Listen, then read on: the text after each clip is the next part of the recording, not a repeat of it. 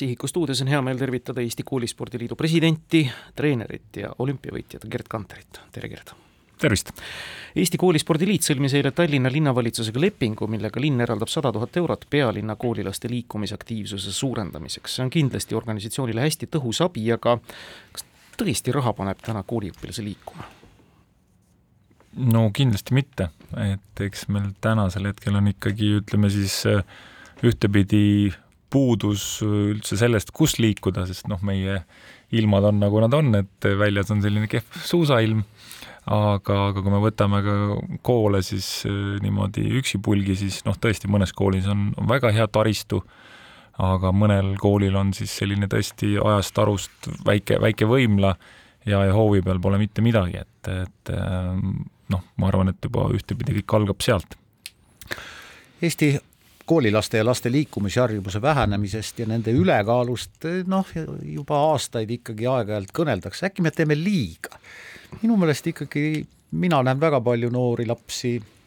trenni tegemas, jooksmas,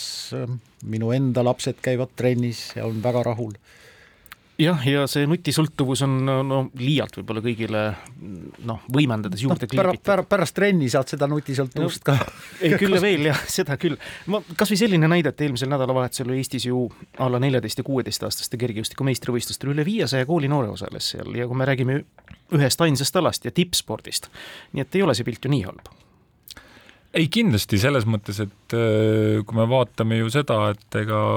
spordi erilised hooned on ju ikkagi õhtuti lastest äh, tulvil, ähm, noh, ka täiskasvanud tegelikult ju harrastspordi mõistes toimetavad väga aktiivselt, aga jah, võib-olla kui me siis laiendame seda statistikat kõigile ja noh, meie ikkagi suur etalon siin Põhjamaad, et me seal ikkagi oleme nagu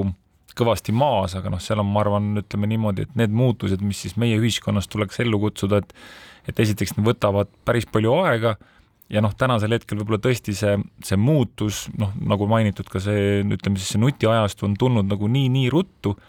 ja nii kiiresti, et tegelikult neid neid alternatiive selles mõttes on tänasel hetkel niivõrd palju rohkem, et, et kui me võib-olla taandame kuskile enda lapsepõlve, et noh, et siis tegelikult peale selle, et õues midagi ägedat teha ei olnudki, et ja multifilmid või lastesaated tulid ka ainult mingisuguses pooletunnises aknas õhtul, ma ei tea, kell seitse või kaheksa. et selles mõttes tänasel hetkel me konkureerime niivõrd paljude muude tegevustega ja, ja, ja tõesti, et elu teistpidi on ka päris, päris kiire. Koolispordist kõneldes ja liikumisest koolis üldse, kas pole sinna liiga palju normatiivseid nõudmisi peale surutud, et kehalise kasvatuse tunde enam ei ole, on liikumistunnid, mingid nõuded, barjäärid, normid, kas see on väga keeruliseks aetud? Äh, noh, tõesti ütleme, et äh, kehaline kasvatus on tõesti saanud tänaseks äh, liikumisõpetus ja, ja tegelikult tänasel hetkel ikkagi väärtustatakse rohkem siis tõesti seda, seda soovi ja, ja, ja võib-olla pingutust ja mitte niivõrd siis tõesti stopperit ja, ja, ja meetrit, et kui kaugele, kui kiiresti. aga, aga ma arvan, et, et suures pildis eks, eks see ikkagi see liikumisharjumus, see kujuneb ikkagi äh, pere toel, äh, noh, ja, ja kindlasti väga suurt rolli mängivad ka need juhendajad, et tänasel hetkel meil on ka siin õpetajate streik, et ma arvan, et ka väga suurt rolli tegelikult mängib see, et, et et milline on just see õpetaja sinu koolis, et, et kuidas ta suudab selles mõttes pakkuda selliseid põnevaid harjutusi ja tegevusi, mis, mis lapsi kõnetavad. Ja noh, ma arvan, et ka selle kogu liikumise juhendamise üks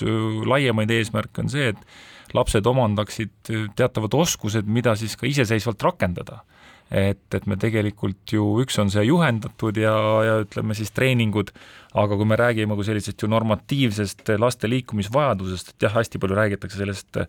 kuuekümnest minutist päevas, aga kui me räägime tegelikult ju natuke laiendatult, noh siis tegelikult see norm on ikkagi kolm tundi päevas, mida lapsed peaksid nagu liikuma ja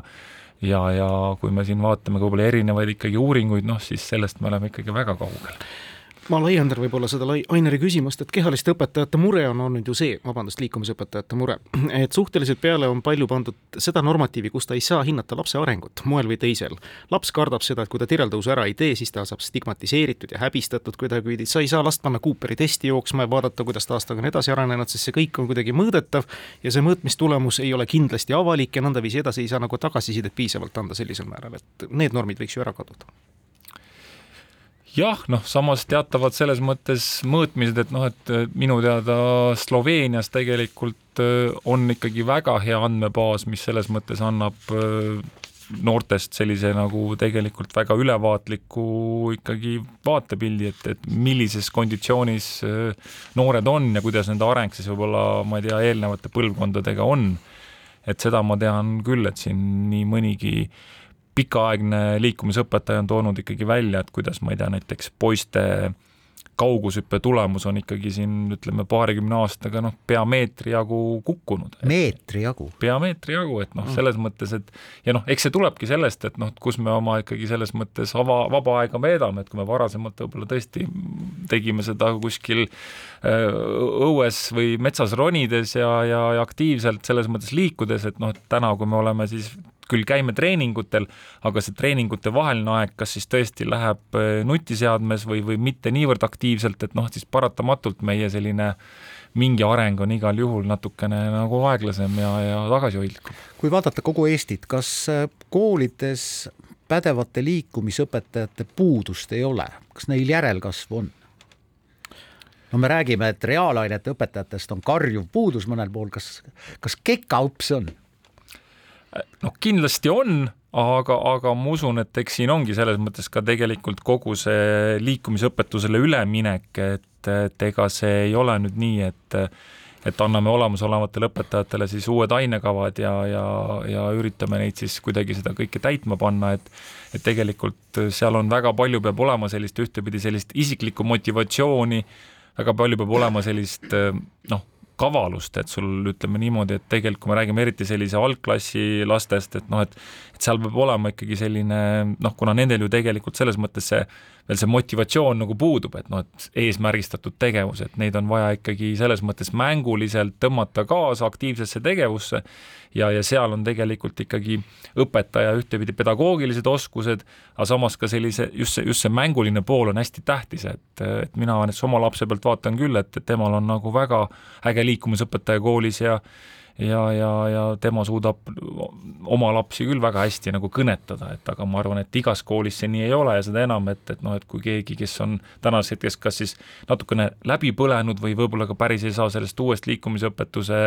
ütleme, ainekavast aru, et siis seal võib tõesti olla teatav tõrge no vist on aastaid räägitud ka see probleem, milleks on ju koolistaadionite avalike spordiväljakute sulgemine pärast koolipäeva lõppu. Te olete vist isegi käinud mitmel pool rääkinud, miks te koolistaadioni kinni hoiate, samal ajal kui noortele annaks siin ju veel võimalusi korraldada küll ja veel, panevad ise väravad püsti, ise hoolitsevad väljaku eest ja kõik muu säärane. ei tulda selle mõttega väga kaasa? Nojah, et eks äh, selles mõttes ikka kardetakse võib-olla selle, et asi saab kuidagi lõhutud, aga noh, ma arvan, et äh, kui me ikkagi noh, tänasel hetkel on ju ka kaamerad ja, ja niisugune natukene ka see naabrivalve, et kui me tekitame sellise võib-olla omanikutunde, et jah, see on meie kooli vara et me kasutame seda heaperemehelikult, noh siis, siis tegelikult ja ka need vahendid, kui need oleks seal vabalt, vabalt saadaval, siis ma arvan, et tegelikult ei peaks nagu väga kartma seda, sest noh, ja aeg-ajalt, kui mõni asi läheb nagu katki, noh siis parandame ära, et, et see, et see on nagu selles mõttes kõik, mis liigub, et see paratamatult kulub, et, et seal on, tuleb niikuinii väike niisugune kadu sisse arvestada, et et ma arvan, et, et pigem nagu aeg-ajalt ühtepidi kasutada seda, et, et pakkuda sinna selles mõttes järelevalvet, kes siis aitaks võib-olla ka seda seda sellist iseseisvat liikumist juhtida, aga teistpidi just jah, et see, et, et niisugune heaperemehelik kasutamine, teeme, teeme aiad lahti, laseme lapsed palliväljakutele, mänguväljakutele. et kui võib-olla tänasel hetkel mõnes mõttes lapsed natukene koonduvad siis ma ei tea, kuskile kaubanduskeskustesse hängima, et siis tegelikult see hängimiskoht võiks olla pigem siis seal see kooli mingisugune liikumisväljak ja, ja mitte lihtsalt see, et, et, et sööme krõpsu ja vaid pigem on see, et, et võib-olla viskame palli või lööme palli või, või, või teeme muid, seal on ju väga ägedaid, ma ei tea, madalseiklusradasid, asju, kus on nagu tegelikult tegevust küll. kas ketast väljaspool staadioni ohutult lennutada saab? Äh, no ütleme niimoodi, et, et pigem mitte, et eks, eks seal ka iga ketta peal tegelikult on tavaliselt ka selline kleepekas, et alati veendu, et, et see, kuhu sa heitma hakkad, et see oleks siis inimtühi või, või siis turvatud teatavate võrkudega, et et ja noh, eriti kui seda algajad teevad, et siis, siis need kettad võivad tõesti soovimatus suunas maanduda. mine kuskile mere äärde, see mõjub päris hästi, ma olen oma poistega käinud seal niimoodi kive heitmas. Gert, me oleme olümpia-aastas, kuidas tundub, kas ajakirjanduse juba ette maalitud sünge pilt sellest, et me läheme Pariisi hirmus väikse koondisega, kes mitte midagi ei võida, on üle dramatiseeritud? no eks spekuleerida meeldib kõigil ju alati, et et äh, mina olen selles mõttes optimistlik, et sport on alati täis üllatusi ja, ja noh, isegi täna, et, et hoolimata ju võib-olla siis sellisest natukene väiksemaarvulisest koondisest, meil on omad võimalused seal olemas ja, ja, ja miks mitte, et äh, keegi võiks üllatada, selge see, et me oleme alati olnud äh, medali ootuses ja, ja, ja selge see, et väikse rahvana me tahaksime alati olla uhked, et et meil läheb hästi, noh, Tokyos läks super hästi, et aga, aga ma pigem nagu oleks posi-, optimistlik, et ma arvan, et on, on, kellele kaasa elada, on selles mõttes, kellel on medališansid ja ja, ja ei tasuks selles mõttes tõesti seda dramatiseerida, et see koondis on natukene väiksem. aitäh, Gerd Kanter stuudiosse tulemast! aitäh!